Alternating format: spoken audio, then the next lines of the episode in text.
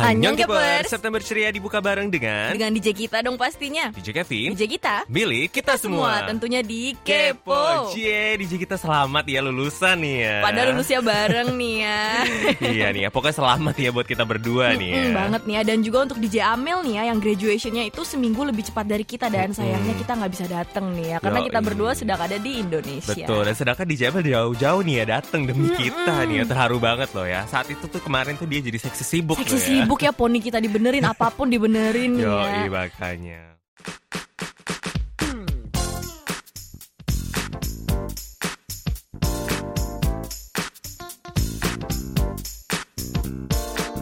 Kupas tuntas berita terbaru, Bareng sama DJ kita di info Celebrities. Girls' Generation baru aja membentuk unit grup baru yang disebut dengan OGG. Unit ini terdiri dari lima member yaitu Taeyeon, Sunny, Hyoyeon, Yuri, dan Yuna, dan mereka akan merilis lagu baru berjudul Lil Touch pada 5 September yang akan datang. Selain itu, akan ada lagu lain yang dirilis bersamaan yang berjudul Fermata yang akan menunjukkan dua pesona yang berbeda dari lagu Lil Touch. Aktor Kim Jong Hyun akan meninggalkan produksi drama Time. Agensinya ON Entertainment menyatakan bahwa ia harus meninggalkan produksi karena masalah kesehatannya dan dia tidak ingin menimbulkan kekacauan untuk produksi drama.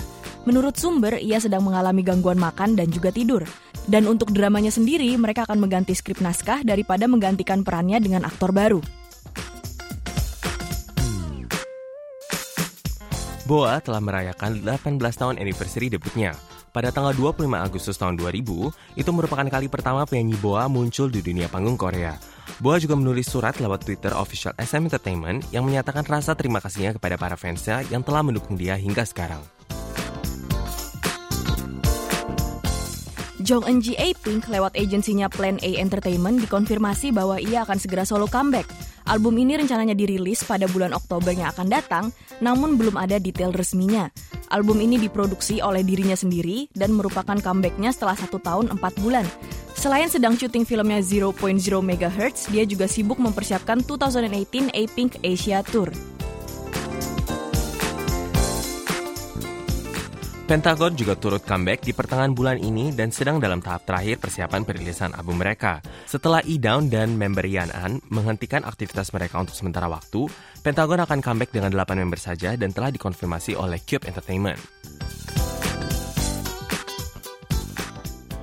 Berita bahagia datang dari mantan member Top Dog, Pigun, dan mantan member Raina, Yubin, yang baru saja menikah tanggal 25 Agustus yang lalu.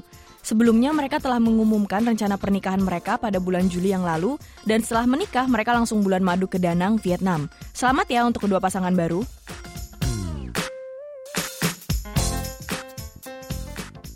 Dan sekian untuk info selebriti minggu ini. Diri J.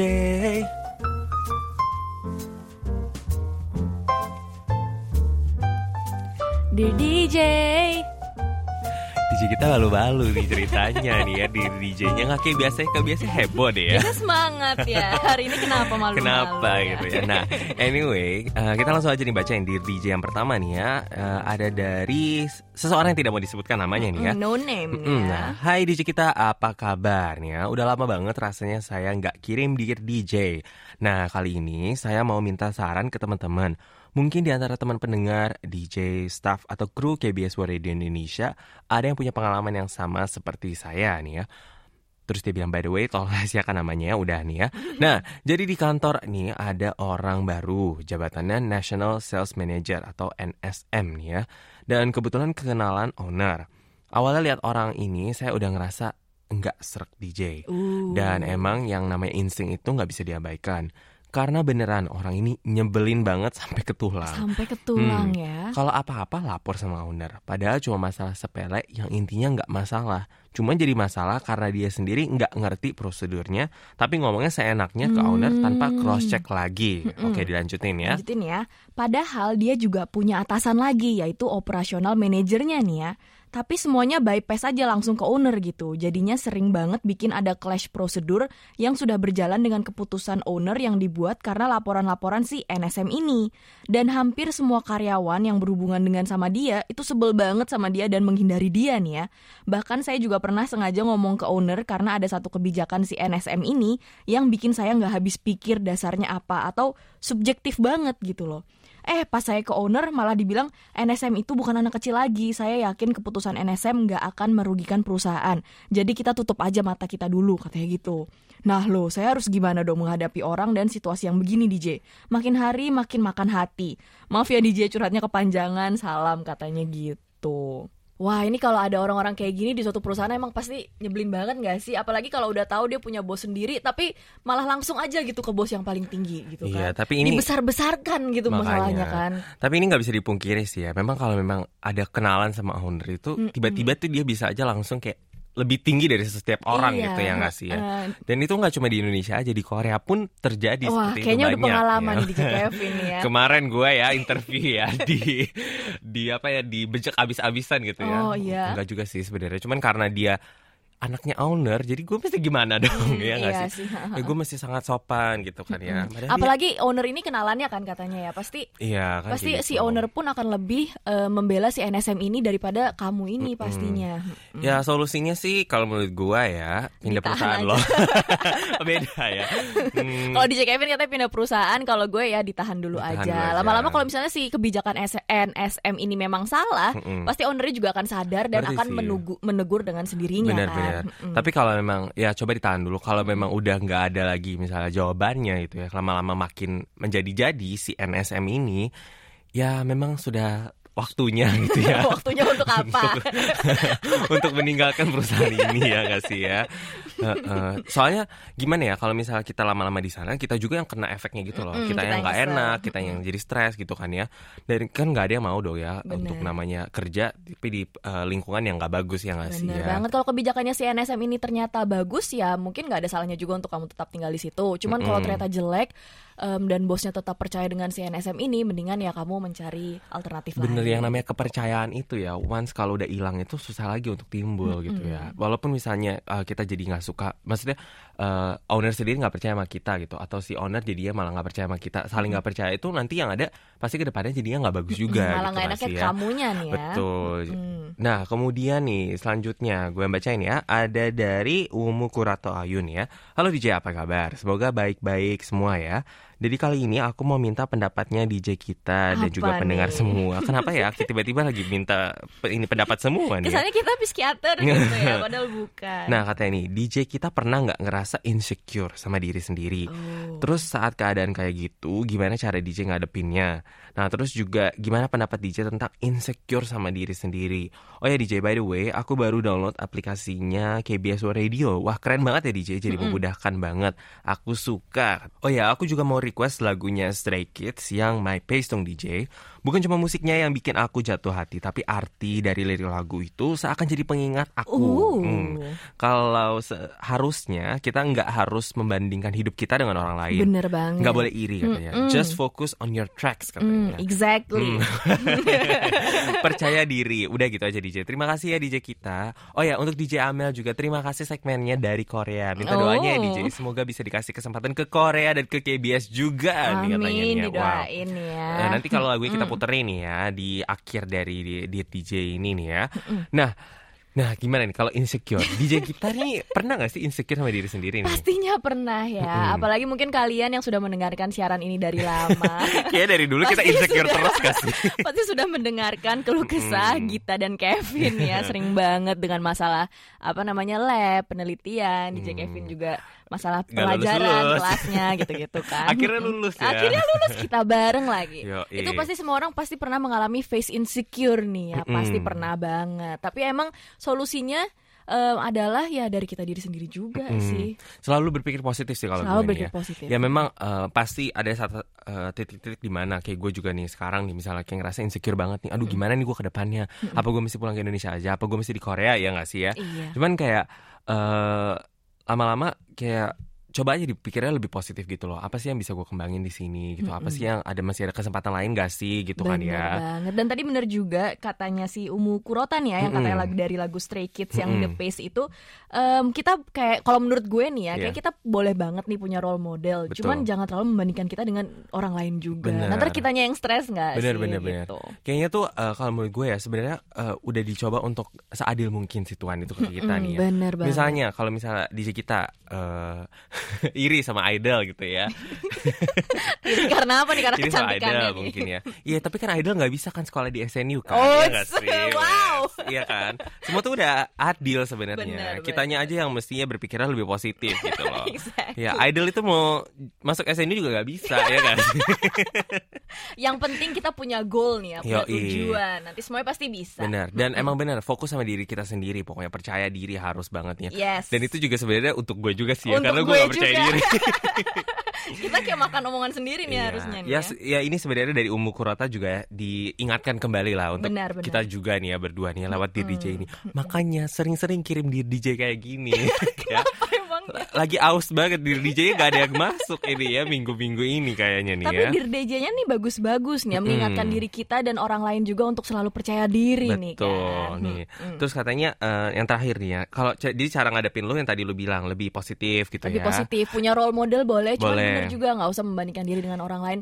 Punya tujuan dan Betul. juga selalu berdoa sih Eh, pastinya. eh, dibawa ke dalam doa yang pastinya nih ya.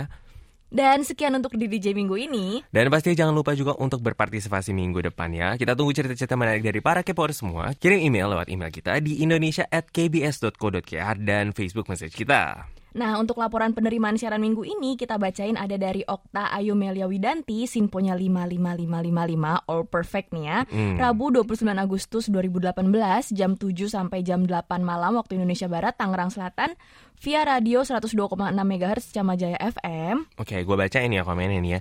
Iya nih ada festival pariwisata Korea tapi jauh banget dari tempat aku dan di Indonesia seperti biasa DJ panas, cuman sesekali agak adem. Mm.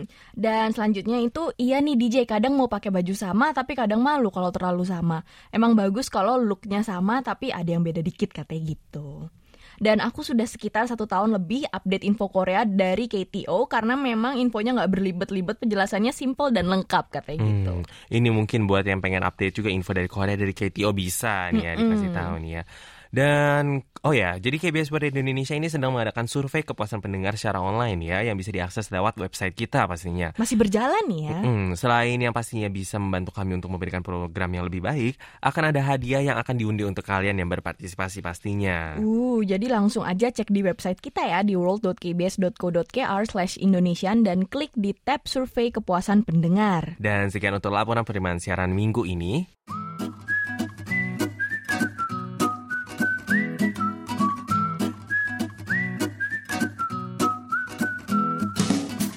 Nah, untuk kata kamu kata aku minggu ini nih, ya, nggak kerasa. Jadi di awal minggu September ini merupakan juga penghujung dari Asian Games Wait, ya. ini acara yang heboh banget Mm-mm. nih ya untuk warga Indonesia dan Yoi. juga internasional nih semuanya. Mm-mm. Makanya perasaan kayak kemarin tuh baru mulai banget loh Asian Games tiba-tiba udah selesai aja Sayang loh. banget Sayang kan banget ya. sih? Nah jadi kemarin ini selama periode dari Asian Games ini gue dan juga partner saya di sebelah saya ini Apa sih? DJ kita ini lagi di Jakarta kemarin ya Hmm. dan sebenarnya sangat tidak di plan nih sebelumnya kalau untuk gue sendiri nih ya tiba-tiba pas udah nyampe oh ternyata Asian Games Iya, gitu ya. pas beli tiket, oh lagi ada Asian Games ya gitu.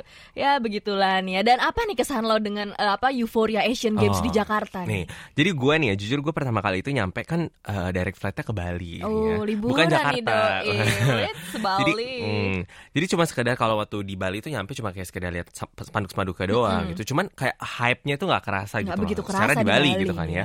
Nah, terus pas hari pertama gue nyampe itu pas banget lagi opening dan gue tuh nggak ada Ah, internet. padahal ya kan? openingnya itu yang heboh yang Iya. semua orang tuh melihatnya Makanya sampai ya. berinding-berinding kan. Yang dipuji-puji sama Heeh. semua orang dan DJ Kevin nggak nonton. Yoi, dan gue nggak ada TV juga saat itu ya. Heeh. Jadi gue cuma dengar aja gosip-gosipnya gitu loh. Kalau misalnya openingnya tuh kece banget gitu kan ya. Wow. Pokoknya merinding merinding. Nah justru gue itu kaget pas gue sampai Jakarta. Nah karena rumah gue ini kan nggak jauh itu dari Wisma Atlet tuh ya. Jadi gue shock banget beli melihat begitu banyak perubahan yang terjadi selama gue meninggalkan Jakarta waktu bulan Februari lalu. Berarti yang kayak cuma dalam tujuh bulan kayak berubah aja banyak banget gitu. Mm. wow. Kalau DJ Gita sendiri gimana nih? Kalau gue sih kayaknya ceritanya agak beda nih ya sama Oke, DJ Kevin gimana? karena begitu nyampe di Jakarta, wah udah langsung heboh tuh ya. Heboh. Selamat datang para para atlet atau delegasinya Padahal bukan atlet. Asian Games gitu-gitu pokoknya heboh Oke. banget. Terus yang apa namanya panitia-panitia yang jemput-jemput atletnya di Oh. bandara tuh juga banyak banget kan Oh ya pakai karena sebelum opening ya Gita tuh Iya sebelum ya. opening jadi pada pakai ID cardnya semua gitu-gitu loh. Jadi pokoknya hype-nya itu euforia Asian Games tuh kerasa DJ banget. Gita nih juga ya. bukannya se-flight sama atlet waktu itu. Iya, gue se-flight sama atlet Pas Korea pulangnya. taekwondo eh, nih. pas perginya Pas ya. perginya. Oh, sama taekwondo. Oke. Heeh, sama orang-orang taekwondo ganteng-ganteng. Nanti loh. kita akan ini ya, setelah pulangnya nanti kita kasih tahu kita se-flight sama siapa ya. Iya. nah, terus kalau game nih ya, gue kalau nggak salah nih ya lihat banget story-nya seorang Wait. DJ kita ini ya, dikit-dikit gue setiap hari kayak nonton game deh perasaannya. Hmm. Soalnya gini nih, bokap gue itu tuh heboh banget nih Oke. dengan Euphoria Asian Oh. Games nih ya. Jadi kayaknya nyari tiket. Nyari terus tiket mulu. Kalau ada berita Asian Games pasti diliatin Oh. terus gitu kan. Jadi jadi bokap gue ini Jadi berhasil anaknya diseret gitu anaknya ya. diseret nih. Ikut aja lah gitu.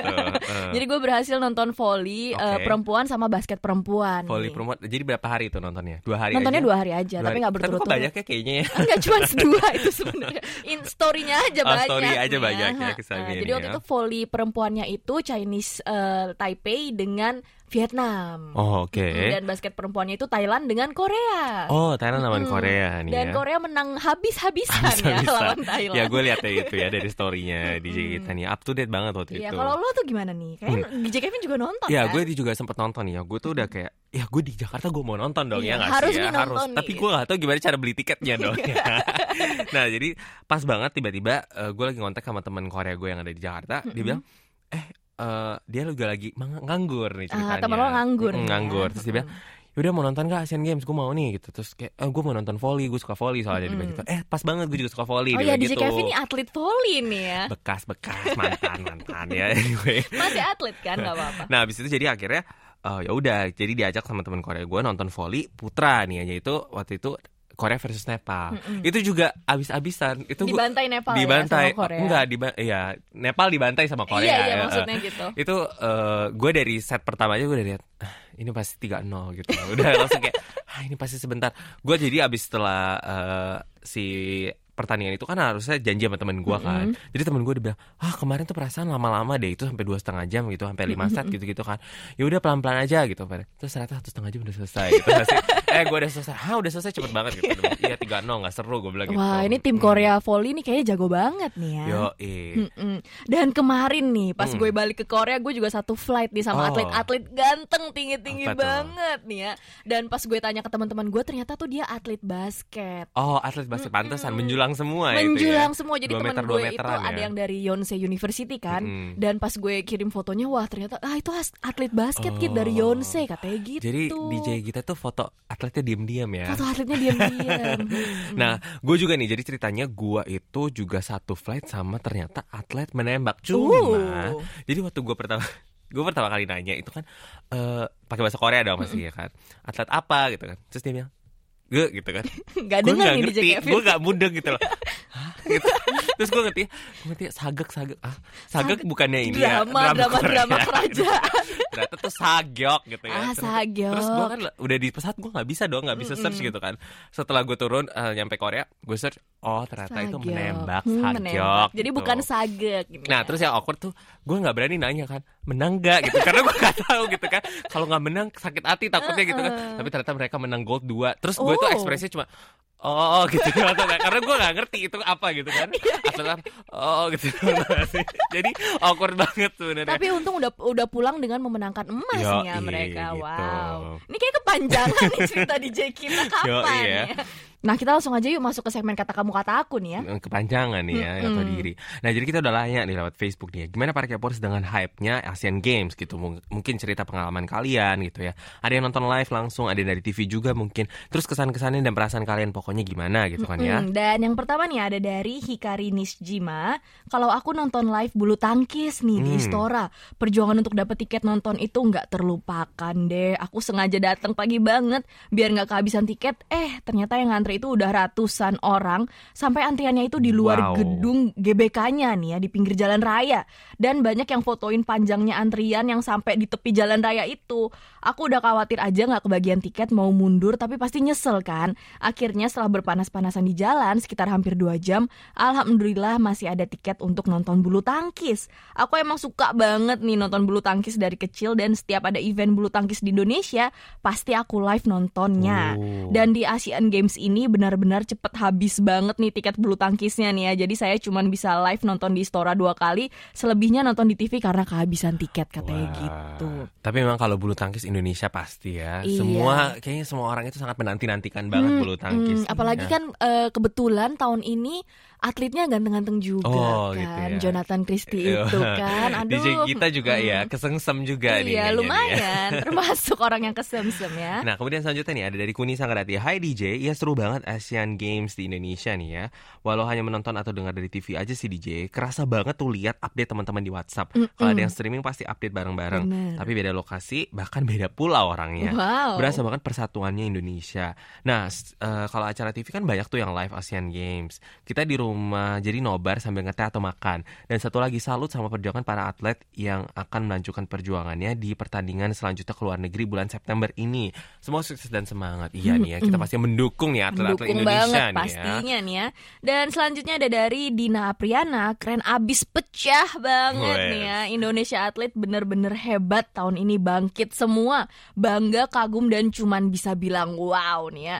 Meski nggak bisa lihat secara live, tapi nonton di TV malah lebih seru nih karena bisa menikmati dan melihat lebih jelas perlombaan yang lagi live.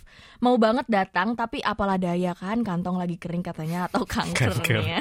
Jadi nggak bisa beli tiketnya. Asli sumpah tahun ini Asian Games tuh pecah banget nih ya. Indonesia masuk empat besar loh. Kagum banget bisa sejajar sama negara-negara hebat seperti Cina, Jepang, dan Korea nih ya. Ini sejarah baru buat Indonesia sendiri dan kita bangga. Kita bangga jadi warga Indonesia, jadi bagian dari Indonesia. Kita bangga punya atlet-atlet yang berkualitas tinggi seperti mereka. Seru banget, sumpah luar biasa. Momen yang nggak pernah terlupakan Asian Games 18th di Jakarta katanya gitu. Wih, merdeka ya Merdeka nih. Ini jujur gue bacanya agak merinding Iya, nih gue ya. juga langsung kayak goosebump gimana Soalnya gitu ya. si Dina Apriana tuh pakai tanda seru tanda seru gitu. Jadi gue bacanya juga kayak harusnya semangat Iya, gitu. wow-nya itu sampai di caps lock Uh, uh, semua merinding gitu sendiri ya. nih gue nih ya. Ya tapi memang sih ya luar biasa banget sih ya, sampai Uh, masuk emang bangga besar banget gitu ya. sih memang ya. Heeh. Dan kemudian yang selanjutnya ya dari Rudi Hartono nih ya. Halo DJ, event Asian Games sangat heboh dan euforianya menggema mendunia. Setelah aku ke Jakarta, ada pertandingan badminton, voli, renang dan lainnya. Namun waktu tak memungkinkan, akhirnya aku hanya jalan-jalan ke gerai berburu souvenir Asian Games buat oleh-oleh khas 4 tahunan itu. Wow, luar biasa. Dan pembeli datang dari penjuru dunia dan souvenir yang dijual dengan harga lumayan mahal tapi laris manis. Uh. Supaya tidak kehilangan ke- momen, aku beli maskot dan souvenir serta t-shirt. Cerita lainnya, Asian Games kali ini berkah bagi Indonesia karena mendapatkan medali emas terbanyak dalam sejarah nih ya. Dan cerita yang berkaitan dengan Korea yaitu ada kontingen Korea bersatu yang sangat mengharukan saya. Sukses buat Asian Games dan semoga Korea bersatu. Amin. Amin. Iya nih ya, semoga Mm-mm. Korea bersatu segera nih ya. Mm, tapi untuk sebenarnya nih ya nggak nonton pertandingan pun cuman jalan-jalan di areanya tuh juga seru banget nggak sih? Iya benar. Ada booth makanan banyak banget kan. Mm-mm. Terus kayaknya kalau malam juga ada lampu-lampu cantik yang instagramable Mm-mm. juga. Oh waktu kemarin kalau basket itu di GBK ya berarti ya. Oh gue sih nggak ke GBK waktu itu karena lu gue kalau volley itu waktu itu di Gor Bulungan nggak. Jadi gue nggak lihat yang kayak gitu-gitu. Dan selanjutnya ada dari Nurul Indra. Halo DJ, wah bener-bener deh virus Asian Games merajalela di mana-mana nih dia DJ.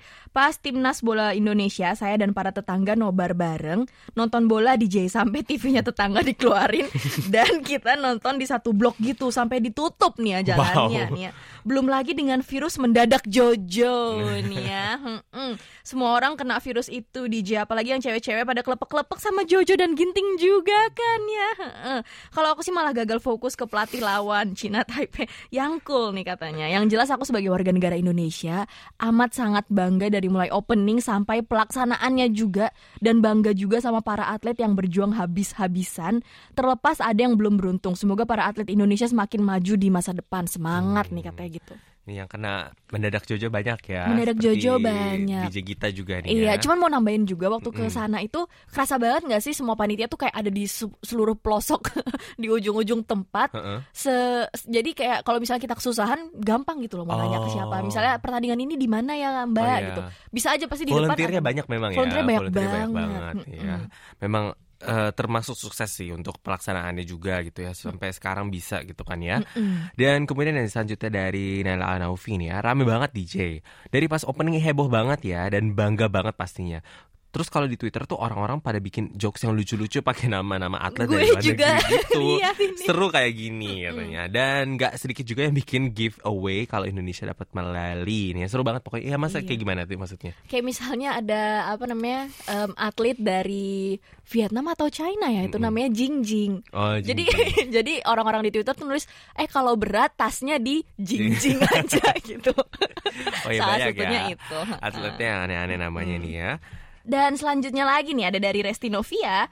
Hai DJ, aku ngerasa seneng banget nih pas Indonesia jadi tuan rumah Asian Games. Aku merasa acara TV jadi seru banget semenjak ada pertandingan cabang-cabang olahraga Asian Games. Apalagi aku dan bapak aku paling suka sepak bola. Jadi pas nonton Indonesia lawan negara lain, aku sekeluarga jadi nonton TV bareng gitu DJ Tambah ibu aku juga. Kami teriak-teriak bareng kalau Indonesia mau gol in Terus seneng bareng kalau Indonesia cetak gol. Apalagi kalau pas openingnya Asian Games nih Duh kerennya pakai banget nih DJ nih ya. Dan euforia Asian Games itu juga sampai ke kantor aku loh DJ Waktu pertandingan bulu tangkis teman-teman di kantor pada nonton lewat HP Dan kalau Indonesia cetak poin Mereka pada tepuk tangan gitu DJ Seru banget pokoknya katanya gitu Bentar ini di kantor nggak pada kerja Nggak jadinya pada ya. kerja Pada ya. nonton Asian Pada Games nonton ya. Jojo kan Cuman kalau lagi pertandingan bulu tangkis Pasti semua instastory Iya tuh penuh dengan Jojo Nggak gue rasa itu semua bos-bos juga pada nonton kali Iya, ya. gila Jadi itu ya. berhenti semua nih. Dan selanjutnya kita baca ini dari Novi Eka Setiani ini ya. Seru banget DJ karena aku suka banget sama badminton. Jadi cabang itu yang aku tungguin banget. Dari babak awal udah seru apalagi partai tunggal putra dari babak awal udah harus ketemu unggulan. Tegang banget nonton DJ.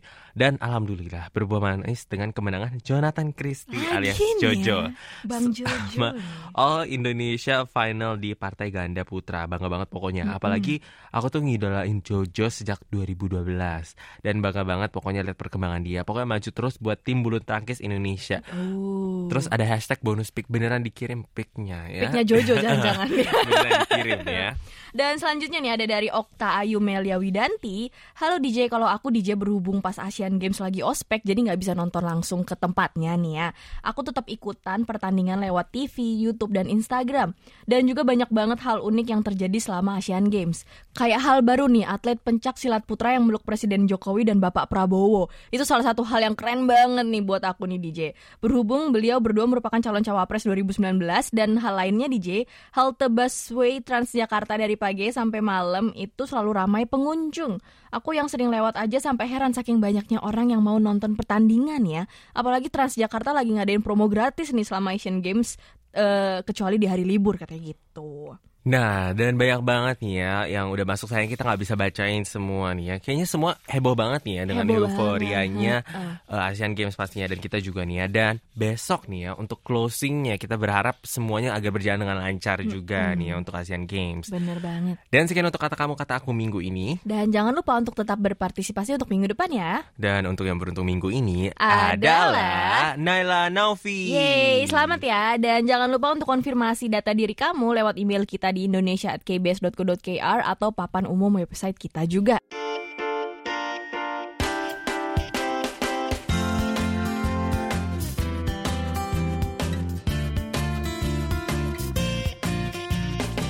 Amel. Annyeong Annyeong dia Kevin Jagita Cukahamnida Cukahamnida Akhirnya lulus ya Yeay Hamida juga buat DJ Amel dong ya. Kan gue udah minggu kemarin Yo, Dan iya. finally nih ya setelah ngomong terus kapan lulus nih, kapan lulus, Lulus beneran gitu. akhirnya Finally nih ya. lulus beneran. Ti- Bertiga lulus nih ya kita. Yeay ya. janjian ya kita Dan ya. thank you banget pasti Thank untuk you di- banget loh Mel, Mm. parah nih ya. Dan untuk DJ Amel udah datang ke graduation kita nih yang ngasih bunga segala Masih ya. bunga dan bunga lo yang paling masih hidup loh. Oh iya Hmm, lo paling awet dong paling Paling awet awet ya. nih ya. Meskipun gue waktu di sana jadi kodi ya Malah benerin rambut kalian biar gak lepek Iya. ya Aduh pada gue keringetan kesian Amel me- apa namanya ber- bersihin poni gue juga gitu. Dia sampai detail banget loh, nggak cuma rambut aja yang dimerin tapi topi, toga dan bunganya harus perfect nih ya. Dedikasi kan Dedikasi Karena pas gue foto wisuda tuh Gak ada yang benerin rambut gue Jadi gue kesel Oh, maaf nggak bisa datang. Iya, yang penting kan ucapannya dari jauh kan sudah kita sampaikan Iya ya. deh ya. Tapi by the way gue seneng banget loh nih ketemu sama orang tua kalian ya. Kalau orang tua kita kan udah pernah ketemu ya. Kalau eh, Kevin baru kal- sekali ini ketemu kan. Oh bokap lu tinggi banget ya Kev. Oh kok pendek sih? iya, bokap gue emang tinggi sih, lebih tinggi dari gua. Iya. Kalau gue, kalau dulu bokap gue bilangnya gini, lu tuh bersyukur tinggi lu segini, karena di rata-rata sama nyokap itu nggak segitu, lebih tinggi dari rata-rata gitu. Dan sayang banget nih adik-adik kita pada nggak bisa datang. Iya, padahal gue pengen ketemu nih. juga. Eh, kemarin keluarga lo juga datang semua kan Mel buat wisuda lo nih Gue ya. juga heboh ya, Heboh. bokap, nyokap, abang dan ceweknya abang gue juga datang. Lengkap, Bo. Udah sampai komplit. calon kakak ipar udah datang. Yes, ya. bener banget. Makanya ini gue sambil jalan-jalan sama keluarga juga sekalian dong nyari konten buat dari Korea. Wait, mungkin langsung bisa gue tiru nih. langsung bisa Langsung dijalankan. bisa dijalankan Iya. ya. Dan jadi ceritanya menyelam sambil minum air nih ya di Jamel nih ya. Yes. Boleh dong ceritain ke mana aja nih emangnya? Banyak banget ya, tapi berhubung kalau seputaran Seoul kan kayak udah biasa banget ya, udah mainstream gitu kan. Jadi gue mau ceritain tuh hari ini tentang tempat bersejarah yang adanya di Suwon, yaitu namanya Suwon Hwasong Fortress. Yes. Uh. Jadi tem- ini sampai dibawa keluarganya ke, Ke Suwon Suwon ya, loh. luar Yes. biasa nih ya. Mm. Kalau mah kita nggak kepikiran kali ya sampai ke Suwon ya Iya kayak. ya ampun, paling ya Nami gitu ya standar gitu kalau tur-tur Indonesia gitu ya. Nah by the way kalau ke Suwon itu berapa lama sih? Jadi Suwon itu nggak terlalu jauh kok, cuma satu setengah jam naik subway, cuma 30 km aja dari Seoul. Oh, jadi masih bisa ditempuh dengan subway ini ya. Mm-mm, By lain the way, satu. kasih tahu dong, jelasin lagi nih apa sih Suwon Hwasong Fortress ini? Jadi Suwon Hwasong Fortress ini adalah sebuah komplek benteng bertembok yang mengelilingi kota Suwon. Wow. Jadi bentengnya ini panjang banget melindungi pusat kota Suwon gitu. Oh jadi ini benteng gitu ya. Jadi katanya dengar-dengar tempat ini juga merupakan warisan dunia UNESCO nih ya. Yes, bener banget pinter ya di Kevin ya. Jadi benteng ini tuh dibangun pada dinasti Joseon dan tercatat di warisan dunia UNESCO sejak tahun 1997. Wait, keren banget nih kayaknya ini. ya. Tapi gue masih nggak kebayang nih kayak gimana sih bentuknya itu. Jadi lo tahu gak sih tembok besar Cina tahu kan ya. Jadi first impression tuh sama kayak tembok Cina ini. Jadi kita bisa jalan di sepanjang tembok itu. Oh. Wow. Jadi intinya nggak perlu ngiri sama PDM yang habis dari tembok Cina ini ya. iya. Ke Suwon bisa. Ke Suwon boleh, bisa boleh kita ya. Meski ya. emang nggak sepanjang tembok Cina yang panjangnya 20 km ya. Benteng Suwon ini panjangnya tuh cuman 5 km aja. Cuman ya lu nggak bakalan lah jalan 5 kilo nggak sih dari ujung ke ujung. Mm-mm, capek banget nggak sih gila ya. Eh by the way, kayak gue pernah lihat nih, sering lihat di TV-TV gitu, sering dipakai untuk apa namanya side-side drama. Hmm, bener gitu. banget, bener Heeh. banget. Jadi di sepanjang benteng ini tuh ada empat gerbang, yaitu Janganmun di utara, Paldalmun di selatan, Changnyeongmun di timur, dan Hwasomun di barat. Gue sendiri tuh cuman jalan dari Janganmun ke Hwasomun, which is tuh gerbang utara ke gerbang barat, dan udah capek banget nyokap gue udah nyerah. Oh gitu nih. Jadi cuma jalan seperam- seperempatnya aja nih ya dari Yes, panjang betul, sebenteng betul. aja itu udah capek nih ya. Nah eh, untuk tiket masuknya sendiri ada nggak sih? ada cuman 1000 won aja untuk orang dewasa, 700 won aja untuk anak kecil. Wih, murah banget nih. Murah ya. banget dan gratis untuk siapa pun yang datang pakai hanbok. Kayak pakai hand Iya, lu pikir aja pakai hanbok jalan di situ nggak ca- nggak ini keringetan kayak gila ya. Kayak di istana juga tapi nih ya gratis-gratis dia kalau pakai hanbok nih ya. Mm, mm, mm, mm. Dan di sekitar situ juga ada istana nih Kev yang Oh. dinamain sama Hwasong Henggung Palace yang merupakan istana sementara yang digunakan sebagai tempat tinggal keluarga kerajaan selama perang. Jadi sayang banget gue nggak ke sana. Padahal di situ adalah salah satu lokasi syuting dari drama KBS Moonlight Drawn by the Clouds. Oh, dramanya Pak Bogum bukan Iya. sih. Wait, Mm-mm. Coba lo ke sana nih. Udah ya. tepar soalnya nyokap gue di benteng ya. Udah kecapean Next ya. time deh ya. Dan gue juga baru barusan lihat nih di Facebook kalau minggu depan tuh ada namanya eh, Hwasong Fortress Moonlight Festival. Jadi kita bisa Uh. ngeliat tuh si bentengnya di di di bawah Lampu-lampu. cahaya moonlight Iya, gitu. betul. Wow. Lampu-lampu gitu loh. Wets. Wes, Keren next, banget ayo kita ke sana nih. ya. Yuk minggu kan- depan kan. Untuk da- dari Korea version 2 nih ya, Hwasong Fortress. Lagi pada gak ada ya. kerjaan juga kan. pengangguran ya. Ya, iya. Dan kita pasti bisa lihat foto-fotonya nih ya seperti biasa di website kita kan ya. Iya, seperti biasa foto-fotonya bisa dilihat di world.kbs.co.kr slash Indonesian. Thank you Mel ceritanya hari ini. Ketemu lagi minggu depan kan ya? Sampai ketemu minggu depan ya Kepers untuk kamu dari Korea.